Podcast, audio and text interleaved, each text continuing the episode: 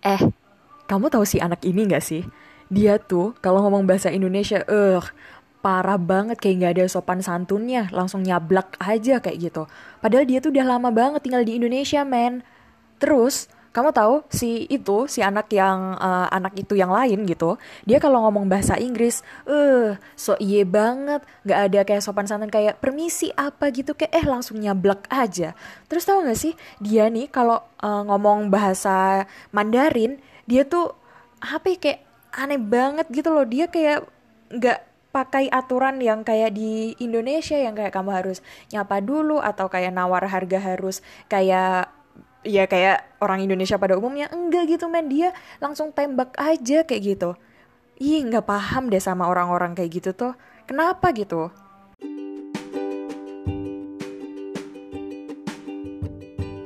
Halo semuanya, apa kabar? Kembali lagi dengan Dona di sini di Lavanya Podcast. Love, respect, believe. Ya, Yeay, tidak terasa ya sekarang kita udah ada di episode 16. Dan ya, sepertinya kalau teman-teman lavanya di sini mendengar episode kemarin di episode 15 itu mendengar suara yang berbeda ya dari lavanya pada umumnya gitu. Ya, anyway, jadi um, lavanya ini kita sekarang sudah punya apa ya? Kita semakin membesarkan um, member apa ya semacam membesarkan orang yang mengurus gitu. Jadi kemarin kita ada Lauren yang dia berbicara tentang crab mentality. Jadi untuk teman-teman yang um, penasaran apa itu sih, apa sih crab mentality, itu boleh banget dengerin di episode 15 dulu gitu mengenai crab mentality.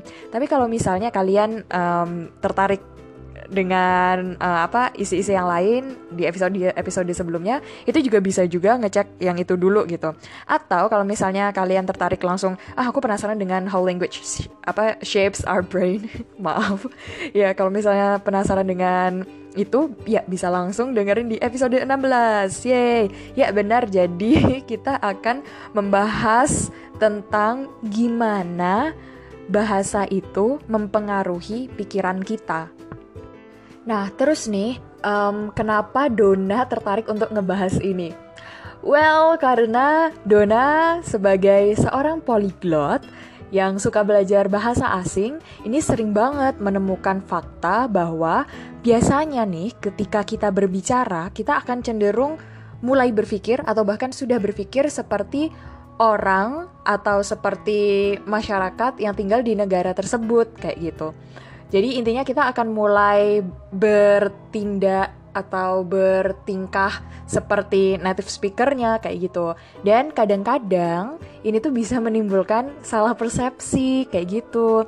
Dan ini juga kadang-kadang bisa membuat orang lain tuh berpikir kalau ih ngapain sih anak ini kok nggak sopan banget kok anak ini bla bla bla kayak gitu jadi uh, apa ya karena kita yang istilahnya udah tahu budaya lain atau bahasa lain kayak gitu kita bertingkah seperti itu.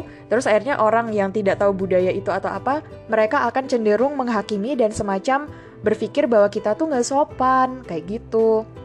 Nah terus um, alasanku yang lain ini adalah aku juga pengen ngasih apa ya semacam insight baru untuk teman-teman yang um, mungkin belum tertarik belajar bahasa asing atau sama sekali asing dengan bahasa asing, ini semoga teman-teman yang ngedengerin makin apa ya menambah wawasan atau menambah pengetahuan kalau bahasa itu nggak cuma bahasanya doang tapi lebih kompleks dari itu.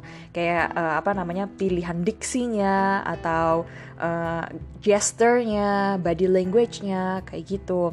Dan aku juga mau ngasih tahu kalau di bahasa ini ini tuh eh, nggak uh, cuma bahasa doang sih, tapi kulturnya juga bahasa dan kultur ini bisa menimbulkan salah persepsi kayak gitu. Ya seperti yang tadi aku juga bilang juga gitu.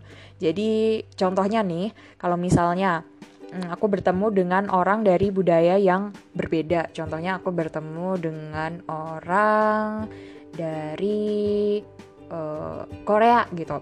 Nah, aku bertemu dengan orang Korea terus misalnya aku lagi menggimbal rambut gitu kan lagi tren gitu kan apa sih namanya corn apa sih aku lupa deh istilahnya corn braid. Pokoknya yang kayak nanti tuh rambutnya jadi kecil-kecil gitu kayak uh, apa namanya kayak pilinan jagung gitu loh.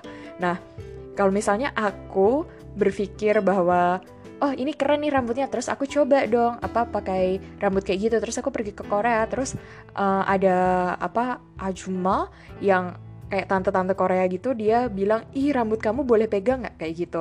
Nah mungkin mereka bagi mereka ini tuh kayak semacam ih kamu lucu rambutnya kayak gitu. Padahal kalau mungkin bagi aku kan aku risih ya kayak ih ngapain sih pegang-pegang? Emang kamu siapa? Kayak gitu. Soalnya di misalnya budaya Indonesia tuh kayak kamu nggak bisa megang-megang aku kalau kita nggak kenal. Sedangkan kalau di Korea mungkin budaya skinshipnya lebih oke. Okay. maksudnya kayak lebih tinggi gitu. Orang lebih suka skinshipan kayak gitu. Nah perbedaan-perbedaan kayak gini ini tuh kadang bisa menimbulkan permasalahan atau semacam mikir bahwa oh gila si orang ini nih rasis nih atau si orang ini nih nyebelin gangguin nggak nggak respect sama aku nggak apalah kayak gitu.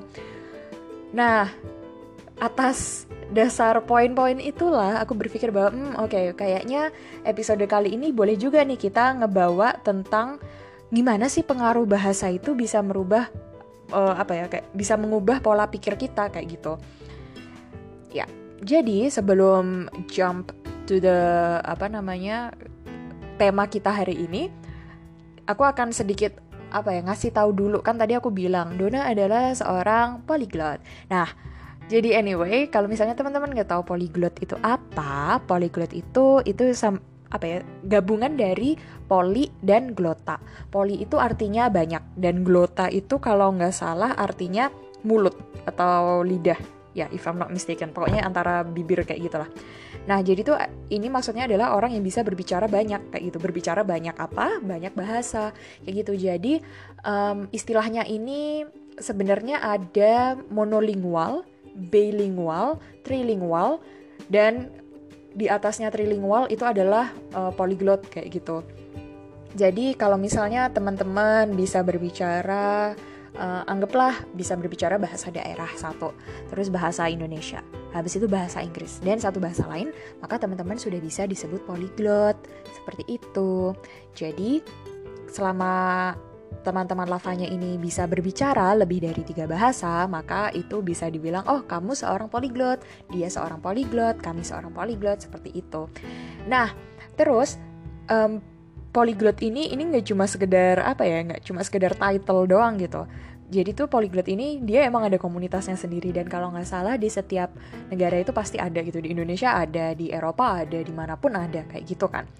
Dan um, keuntungan menjadi polyglot ini banyak banget. Kalau misalnya uh, ini berdasarkan experience pribadi ya. Jadi sebagai polyglot ini aku merasa bahwa ketika kita pergi ke negara orang atau ada orang dari negara yang bahasanya kita pelajari datang ke Indonesia atau kita mungkin bertemu di negara lain kayak gitu, itu kita bisa berinteraksi dengan mereka kayak gitu. Dan kalau misalnya kita pergi ke negara mereka kita nggak akan tersesat lah istilahnya. Karena kalau misalnya aku nih aku kan suka jalan-jalan sendiri nih. Aku merasa kalau misalnya aku nggak bisa negara itu terus aku tersesat terus aku jalan-jalan sendiri itu fix aku kayaknya nggak bakal pulang even until the following week kayak gitulah. Jadi apa ya menurutku tuh bagus gitu kalau misalnya kita bisa pergi ke suatu negara dan kita bisa belajar bahasanya kayak gitu. Habis itu itu tadi poin pertama ya keuntungan pertama. Terus keuntungan keduanya itu tuh membuat otak kita menjadi lebih aktif gitu. Jadi kayak misalnya kita lagi berbicara suatu topik, suatu isu tertentu. Terus kita merasa bahwa um, kita tidak bisa menemukan padanan istilah atau padanan konteks yang tepat di bahasa kita atau mungkin di bahasa lain. Terus kita memiliki kapabilitas untuk berbicara bahasa asing yang lain sehingga pada saat momen itu gitu, pada momen itu kita mulai berpikir dengan bahasa lain yang seperti oh oke okay, di bahasa asing ini ada kosakata ini dan ini konteksnya lebih bagus lebih tepat untuk situasi ini gitu. Nah, kalau kayak gitu, itu tuh kayak ketika orang lain tuh kayak cuma ho ho ho aja kayak hmm ya oke okay, baiklah kayak gitu. Nah, otak kita tuh aktif gitu loh kayak oh tunggu, tapi di bahasa lain ada ini. Oh tunggu, apakah ini padanannya tepat? Oh tunggu, bla bla kayak gitu. Jadi istilahnya kayak otak kita nggak akan tumpul karena otak kita akan setiap detik ini akan terasa gitu. Bahkan even aku berbicara pada detik ini somehow uh, my brain tries to translate sentence yang aku bilang ke bahasa-bahasa lain kayak gitu. Jadi uh, emang apa ya istilahnya di otakku ini cuma cap 데 jadi agak sedikit rame kayak gitulah. Gitu. Jadi kita bisa otaknya menjadi lebih aktif dengan itu dan itu akan membuat kita jauh dari kata bodoh kayak gitu ya bukan bodoh yang bodoh banget sih maksudnya lebih yang kayak um, apa ya kita akan terus berkembang gitulah otaknya oke okay. lalu selanjutnya ini juga akan membuat banyak kesempatan baru untuk kita. Jadi ini akan membuka setiap-setiap kesempatan-kesempatan kayak misalnya pekerjaan atau membuka kesempatan um, apa kayak scholarship atau kesempatan apa pun itu kayak gitu. Karena tidak bisa dipungkiri bahwa sekarang adalah zaman globalisasi. Jadi kalau misalnya nih ada teman-teman lavanya ini belum bisa berbicara bahasa Inggris dan biasanya di perusahaan-perusahaan kan um, bukan akhir-akhir ini sih kayak emang beberapa tahun terakhir kayak gitu mereka memang mewajibkan mengharuskan setiap pekerjanya untuk bisa berbicara bahasa Inggris kayak gitu karena memang mereka mau mengekspansikan perusahaannya kan karena nggak mau stuck di situ-situ aja kayak gitu kan Nah, sebenarnya di keuntungannya ada banyak banget, tapi kalau disebutin semua kayaknya habis untuk keuntungannya doang. Kita nggak akan lanjut ke gimana sih kok bahasa itu bisa ngubah pola pikir kita kayak gitu. Jadi anyway, untuk keuntungannya nanti teman-teman lavanya bisa coba cari sendiri juga ya, kayak gitu. Oke, okay. nah di balik keuntungannya ini sebenarnya ada beberapa kepokcapan um, apa ya um, pokcap eh sorry aku itu kan tanpa disadarin aku berbicara bahasa Korea men. Jadi bokcap ini adalah kayak keriuhan keruwetan kayak gitu. Jadi e, di otak ini ada beberapa keruwetan gitu. Ini bisa menjadi permasalahan juga gitu. Jadi yang pertama ini mencampur bahasa dalam satu kalimat ini tuh biasanya aku sering banget ngerasain. Karena somehow nah ini contohnya jadi aku kadang suka apa ya sulit menemukan padanan kata yang pas kayak gitu. Terus akhirnya ya udah keluarin aja kata kosakata yang menurutku lebih apa ya relatable ke konteks yang ingin aku bawakan kayak gitu. Jadi aku tuh biasanya sering banget um, mencampur dalam satu kalimat itu beberapa kosakata atau beberapa bahasa yang aku bisa kayak gitu. Nah ini tuh mungkin um, apa ya kayak uh, somehow it can be cute but in a formal situation it might be really apa ya semacam membuat orang-orang berpikir bahwa oh you're not good enough in this language kayak gitu. Nggak kan maksudnya? Jadi kalau misalnya kita di situasi yang apa ya kayak di situasi formal terus kita berbicaranya campur itu tuh seolah-olah orang kan berpikir gila nih orang ini nyampur-nyampur gini then I won't get the point at all. Because you mix your language and I don't have the capability to understand the language the other language that you speak then voila ya nggak akan tersampaikan inti pembicaraannya kayak gitu. Lalu um, yang kedua nih ini aku sering banget uh, ngalamin yaitu mempertanyakan kebudayaan sendiri gitu. Jadi aku ngerasa bahwa um, tunggu, aku tahu kebudayaan, ada kebudayaan ini misalnya di Korea atau ada kebudayaan apa di Prancis. Terus aku kayak mikir di Indonesia ada nggak ya? Jadi tuh kayak apa ya istilahnya ini antara positif dan negatif. Positifnya kayak oh aku akan berusaha untuk mengenali budaya sendiri. Tapi negatifnya aku kayak ngerasa kadang bisa jadi jelek-jelekin Indonesia sendiri gitu loh. I mean, oh mungkin di uh, apa namanya di Korea ada festival lumpur kayak gitu. Sedangkan di Indonesia mungkin nggak ada yang kayak gitu yang gede festival lumpur kayak gitu, yang gede gitu nggak ada. Terus akhirnya aku yang kayak, ih kok Indonesia gini sih kayak gitu. Padahal uh, I know that Indonesia has other apa ya kayak interesting festival than Korea gitu jadi ya di satu sisi positif, tapi di satu sisi lain itu bisa jadi negatif juga. Jadi tinggal kita penempatannya gimana, kayak gitu. Terus permasalahan yang lain adalah kadang itu kayak dianggap sok atau tidak sopan ketika berbicara. Ini aku sering banget karena ya kadang-kadang aku bisa apa ya semacam nyampurin bahasa banget gitu kan Terus akhirnya pernah juga, ini aku cerita di suatu momen dulu ya. Jadi tuh di suatu momen dulu otakku berpikir dalam bahasa Inggris. But I deliver every sentence in Indonesian. Dan pada saat itu um, aku menjadi guide dan pada saat itu juga orang-orang yang aku guide adalah orang-orang yang um, punya jabatan kayak gitu. Dan karena otakku berpikir dalam bahasa Inggris, which at the moment I was thinking about the word you, and I was trying to translate it to Indonesian, and I was translate it to kalian. Yeah, I was thinking about the you, but in a plural way. So that's why aku berpikir, oh, maybe I should translate it to kalian gitu. Tapi ketika aku berbicara, oh ya jadi bagaimana menurut kalian? Nah, itu bodohnya di situ. Aku lupa bahwa di budaya Indonesia itu when you um, apa when you name someone, not someone, seseorang yang punya jabatan dengan kata kalian itu sangat nggak sopan. Jadi kalian harus menggunakan kata bapak-bapak atau ibu-ibu kayak gitu.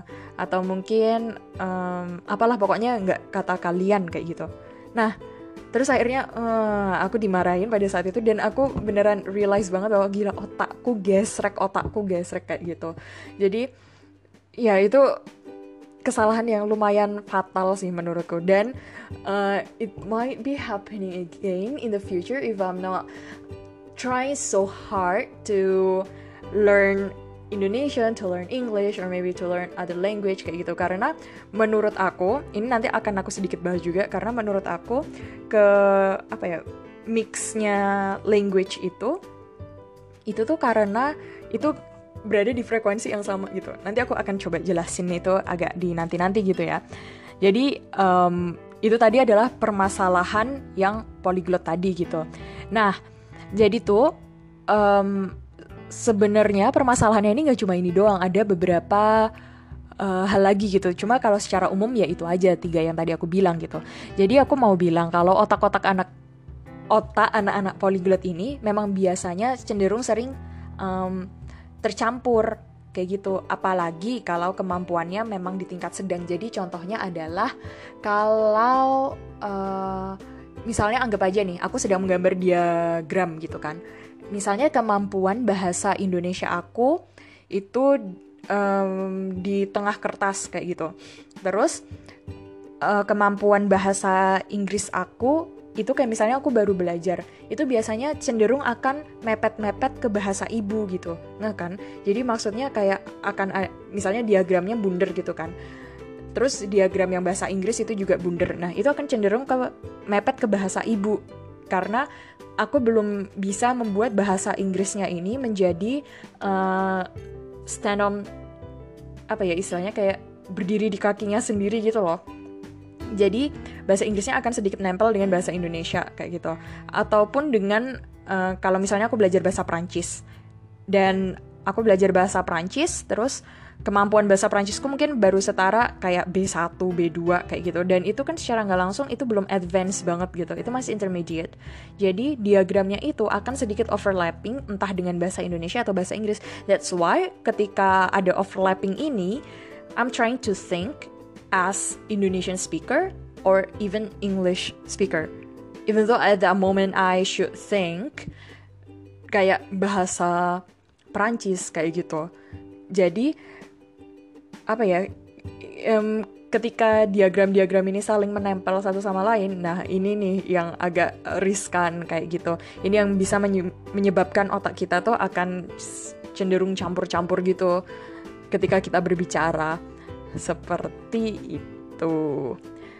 Nah, um, tapi um, gimana ya? Menurutku ini seiring berjalannya waktu ketika terus-terusan belajar nanti pada akhirnya juga akan hilang-hilang eh, bukan hilang maksudnya cenderung akan terpisah sendiri diagramnya jadi nggak akan ada yang overlapping lagi kayak gitu nah terus nih um, kalau yang tadi itu itu kan kecenderungan dari segi overlapping overlappingnya gitu. Nah ada juga nilai-nilai kebudayaan yang dibawa dalam bahasa karena memang tidak bisa dipungkiri kan kalau misalnya bahasa itu dipengaruhi dan juga mempengaruhi budaya. Nah kan? Jadi ini kayak istilahnya nanya ayam dulu atau telur dulu ya kayak gitu. Dan ya kalau menurut Dona sendiri ini emang kayak seperti hmm bahasa dulu atau budaya dulu ya kayak gitu. Emang mereka kayaknya tuh cenderung hadir secara bersamaan di waktu yang sama kayak gitu. Nah um, ini contoh yang biasanya sering Dona temuin nih di kehidupan sehari-hari. Yang pertama nih uh, faktor budaya yang mempengaruhi itu adalah ketika berbicara bahasa Inggris itu orang-orang akan cenderung berbicara lebih belak-belakan. Mungkin um, gimana ya? Mungkin ini karena pengaruh entah karena bahasa Inggrisnya masih belum yang capable-nya tinggi banget gitu mungkin belum atau entah apa gitu. Tapi aku melihatnya ketika orang-orang berbicara bahasa Inggris itu mereka akan cenderung straightforward it's quite different when we try to speak in Indonesian because if we want to judge someone or we want to say oh I think it's bad or oh I think this project is ugly or that kind of thing we're not gonna say that in a straightforward way, in a direct way, but um, ya kita akan mencoba berbicara dengan cara yang kayak, hmm, oke okay, ini sedikit bagus sih, cuma um, mungkin kamu harus mempertimbangkan dari segi visual atau kamu harus mempertimbangkan dari segi bla bla bla kayak gitu. Jadi maksudnya kayak uh, you want to say something bad, tapi akhirnya nggak ngomong tentang itu karena kita merasa bahwa oh ya ini nggak sopan. Ntar orang uh, orang yang aku ajak berbicara dia akan merasa tersakiti kalau kalau misalnya aku berbicara seperti itu. Nah begitu.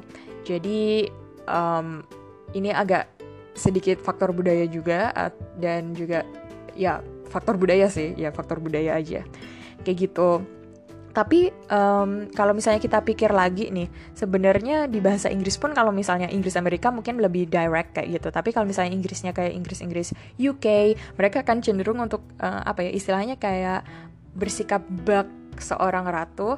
Maksudnya kayak uh, apa namanya keluarga kerajaan yang kayak um, gak akan bilang sesuatu yang buruk kayak gitu. Tapi kita akan mencoba apa ya melipir melipir dulu lah bahasanya kayak gitu Nah, terus uh, faktor budaya ini ini tuh juga bisa diketahui dari segi linguistiknya juga kayak gitu. Jadi uh, aku kurang tahu apakah teman-teman tahu istilah semantik kayak gitu. Jadi sebenarnya semantik ini bisa menunjukkan kebudayaan atau pemikiran atau konsep berpikir lah, konsep berpikir si masyarakat di negara ini kayak gitu. Jadi kalau apa ya semantik, semantik ini dia fokusnya adalah gimana sih uh, apa namanya bukan apa ya kayak istilahnya tuh um, implisit arti implisit dari suatu kata atau suatu kalimat. Kayak gitu.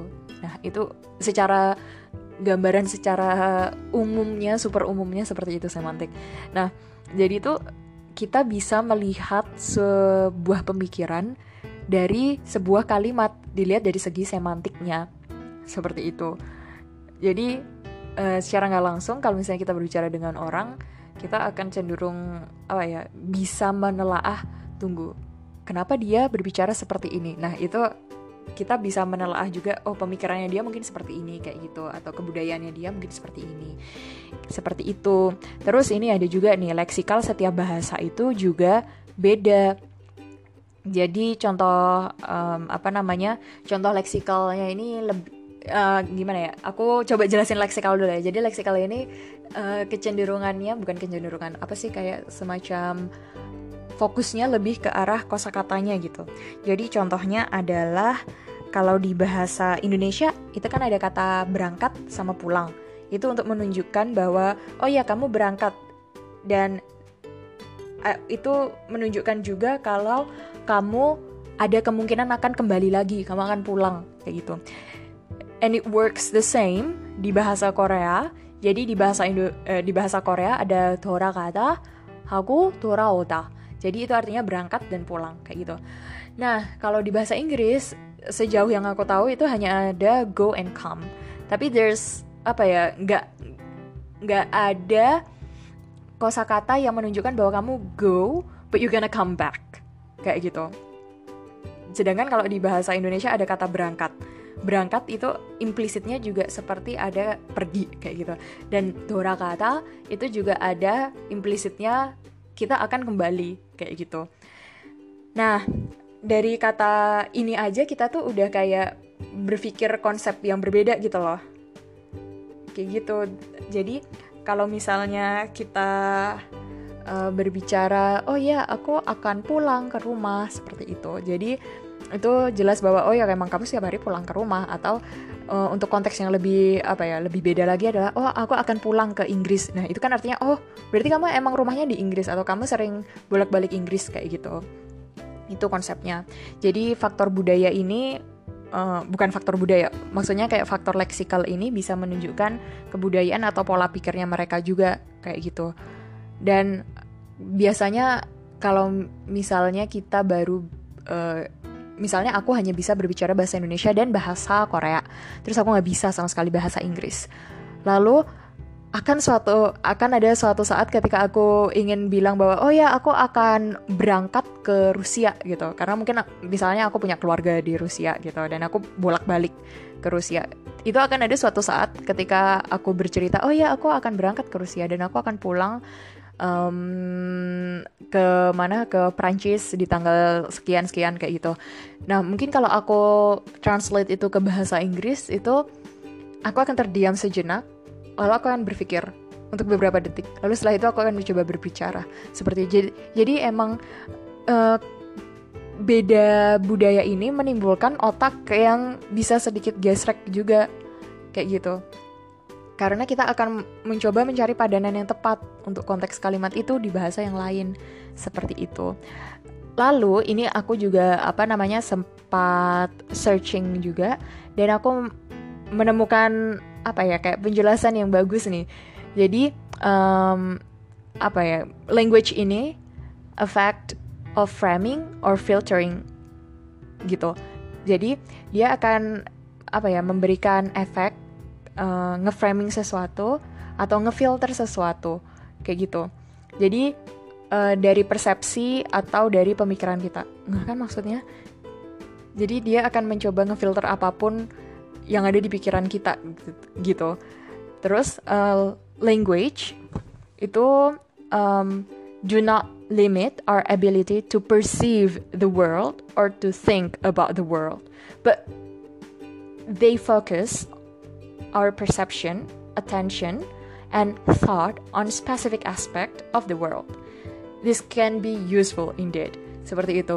Ini contohnya adalah bahasa Dani di Papua Nugini itu untuk warna dia hanya mengenal dua aja kalau nggak salah tuh Molly dan Mola Molly untuk terang atau Mola untuk gelap atau mungkin kebalikannya maaf kalau misalnya salah sedangkan di Rusia ini ada 12 warna maksudnya kayak istilah warna kayak gitu dan kalau di Indonesia kayaknya ada berapa ya kayaknya cuma ada sedikit aja gitu e, maksudnya warna yang apa warna paten di bahasa itu tuh kayak contohnya kalau di bahasa Indonesia kan ada kayak biru laut, biru langit kayak gitu. Nah, bukan itu bukan warna. Maksudnya itu adalah persepsi warna yang disamakan dengan suatu objek atau benda kayak gitu. Sedangkan yang warna biru itself, nah itu baru nyebutnya warna kayak gitu. Atau um, apa namanya um, oranye. Oranye itu bukan warna karena kita uh, bilang oranye itu oranye itu kan dari bahasa Inggris kan. Terus oranye ini, ini tuh diambil dari warna jeruk. Kan orange, kayak gitu. Jadi itu nggak bisa disebut warna. Jadi uh, istilahnya, kalau misalnya kita berbicara bahasa Dani yang tadi di Papua Nugini gitu, ya kita akan memahami bahwa warna itu cuma ada dua, terang dan gelap gitu. Tapi uh, just because we only speak um, dua kata untuk warna doesn't mean kalau kita tuh akan apa ya nggak akan paham oh ini tuh warna hijau ini warna kuning enggak gitu otak kita akan tetap apa ya ngedivide itu kayak oh ya ini warna hijau itu uh, it looks something like this and then warna kuning it looks something like that and ya the same for the other colors as well kayak gitu. Jadi otak kita akan tetap sama cuma ketika kita berbicara ketika kita berbicara itu akan kita fokusnya akan fokus ke yang terang dan gelap aja kayak gitu. Nah kan maksudnya? Jadi ini hanya apa ya membantu kita menyampaikan sesuatu aja. That's it. Kayak gitu. Nah terus nih karena dari contoh-contoh yang tadi tuh kayak misalnya yang oh Dani hanya ada dua bahasa aja atau oh di bahasa Korea ini ada kata tora toraota torakata kayak gitu. Um, atau kalau misalnya di bahasa Prancis ada kata exhibition apa kalau di bahasa Inggris ada kata exhibition itu kayak semacam showroom kayak gitu. Sedangkan kalau di bahasa Prancis uh, l'exhibition itu tuh kayak semacam uh, apa ya kayak um, pameran bukan pameran. Itu kayak semacam tempat yang menunjukkan ke nude. Dan apa sih bahasa Indonesia-nya? Aku bingung deh. Ya pokoknya itu. Jadi menunjukkan orang-orang yang nude kayak gitu.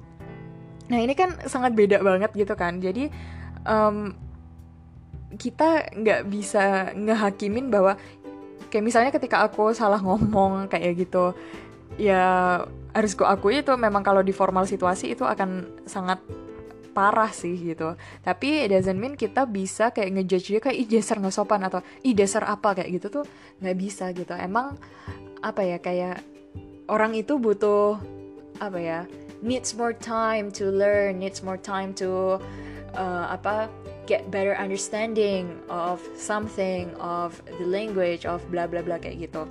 Jadi intinya kalau misalnya teman-teman lavanya ini nanti bertemu dengan orang yang bisa banyak bahasa atau ketika berbicara bahasa terus kalian berpikir kok nggak sopan sih anak ini? Kayak gitu well yang harus kalian lakukan itu gampang banget ya itu pertama yang pasti jangan ngejudge. Kita harus berpikir bahwa oh uh, budayanya orang ini tuh beda gitu. Atau oh bahasanya orang ini beda. Mungkin kalau di negaranya kayak misalnya um, ini aku punya cerita lucu juga jadi temanku dari Australia waktu itu kalau dia berbicara dengan waitress gitu dia kayak langsung ngomong dari kejauhan gitu kayak hmm, apa nggak apa ya kayak semacam ngomong dari kejauhan terus dia langsung ngomong es teh dua kayak gitu. Sedangkan kan kalau emang orang Indonesia beneran maksudnya orang Jawa gitu karena emang tinggalnya di Jogja kan. Nah itu kecenderungannya akan berbicara seperti mas es teh dua ya ada kayak tambahan dianya kayak gitu itu untuk menunjukkan kalau kita akan lebih apa ya lebih woles kayak gitulah sedangkan kalau misalnya yang orang asing kan mereka mungkin belum paham dengan istilah ya atau apa kayak gitu kan. Jadi mereka akan cenderung semacam ya langsung straightforward kayak gitu. Karena mereka masih terbawa budaya yang apa kayak English speaker kayak gitu kan. Jadi no judgment at all dan jangan ngejudge gitu. Karena pada saat itu aku hanya hanya semacam eh tunggu kayaknya um, it's more polite if you're saying something like this atau like that kayak gitu. Jadi ya intinya jangan ngejudge dan kalau misalnya ada kata-kata atau pemahaman yang berbeda itu tanyain lagi maksudnya gimana kayak aku tadi kayak oh tunggu maksud kamu ini kamu mau pesan abis itu we we should try to explain something about it. Kayak gitu. Karena kalau misalnya kita nggak berusaha untuk nge-explain nanti dia akan terus-terusan seperti itu kayak gitu. Jadi ya jangan ngejudge dan coba tanyakan maksudnya apa. Terus nih kalau misalnya kita memang ahli di bidang itu kasih tahu aja yang benernya kayak gimana gitu. Kayak mungkin kita berbicara tentang uh, apa namanya ini agak pembicaraannya mungkin agak sedikit riskan. Kayak misalnya kita berbicara tentang prostitusi atau apa gitu. Nah mungkin kita sebagai orang Indonesia aja mungkin kita kadang agak kurang apa ya merasa kurang etis gitu berbicara um, kata prostitusi. Mungkin kita akan memakai kupu-kupu malam kayak gitu tapi mungkin untuk orangnya prostitusi sendiri kata kupu-kupu malam kok kayaknya agak merendahkan atau gimana? Kayak gitu kan. Jadi ya um, kalau misalnya kita lebih expert di bidang itu ya kita bilang aja ke orang yang bilang oh prostitusi ini kata-katanya agak sedikit itu. Mungkin kalian bisa mengganti dengan kata apa kayak gitu. Ini sama juga dengan kasus yang apa kayak misalnya teman-teman tuli. Mereka lebih prefer dipanggil tuli daripada dipanggil uh, apa namanya um, apa sih istilahnya aku lupa deh uh, ya pokoknya yang kayak apa namanya yang tidak bisa mendengar itu kalau nggak salah namanya tunarungu. Oh my god, aku lupa. Jadi mereka lebih prefer dipanggil tuli daripada tunarungu gitu. Tapi it doesn't work the same with orang yang tidak bisa berbicara gitu. Mereka tidak suka dipanggil bisu. Mereka uh, lebih prefer ya dipanggil apa namanya tunawicara aja kayak gitu. Jadi ya memang beda-beda sih. Jadi that's why kita kalau misalnya ada orang lain berbicara uh, seperti itu ya kalau misalnya kita emang tahu tentang hal itu ya udah kita bilang aja oh ini tuh nggak bisa kalau bilang kayak gitu nggak boleh kayak gitu jadi ya kasih tahu aja Oke, okay, anyway, ku harap itu cukup menjelaskan karena ya aku merasa perlu untuk menjelaskan karena mungkin banyak orang di luar sana yang merasa bahwa oh gila teman-temanku nih annoying banget dia berbicara bahasa ini berbicara bahasa ini tapi tuh dia kayak nggak punya respect ke apa ke bahasa ibunya sendiri atau dia nggak punya respect ke budayanya sendiri kayak gitu. Ya yeah, jadi uh, just in case if you're thinking like that mungkin kalian harus coba memahami dari segi poliglotnya juga gitu. Tapi uh, balik lagi ya karena mungkin memang ada orang-orang yang berpikir bahwa oh poliglot ini keren ya aku akan coba berbicara banyak bahasa.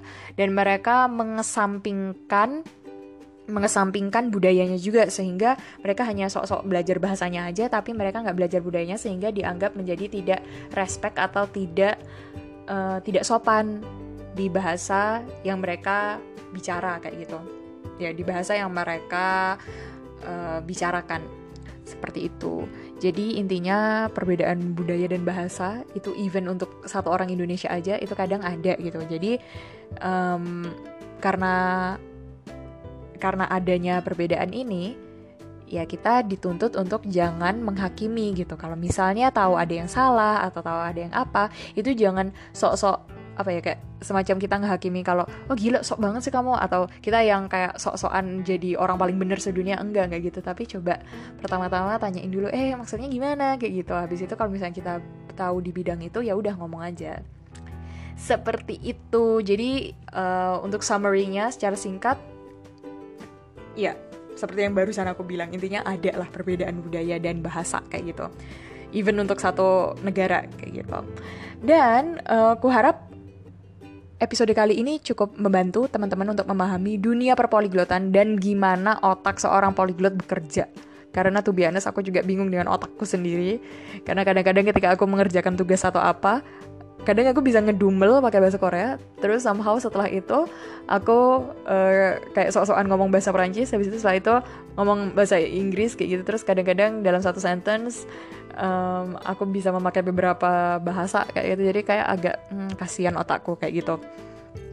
Anyway kalau misalnya kalian punya saran atau punya pertanyaan atau kalian mau berbagi cerita mengenai kepoliglotan kalian boleh banget disampaikan ke Instagramnya Lavanya di lavanya.podcast atau kirim email ke lavanya.podcast at gmail.com dan kita akan standby 24 jam. Yang pasti kita akan membalas se se apa ya sebukanya email lah kayak gitu. Tapi pasti kita akan buka setiap saat. Dan kita akan buka Gmail eh apa Instagram setiap saat.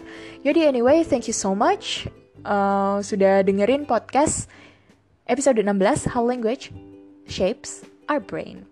Dan ditunggu episode selanjutnya dan kita akan membahas hal-hal yang lebih asyik lagi. Baiklah kalau begitu, terima kasih banyak. Lavanya, love, respect, believe. Sampai jumpa.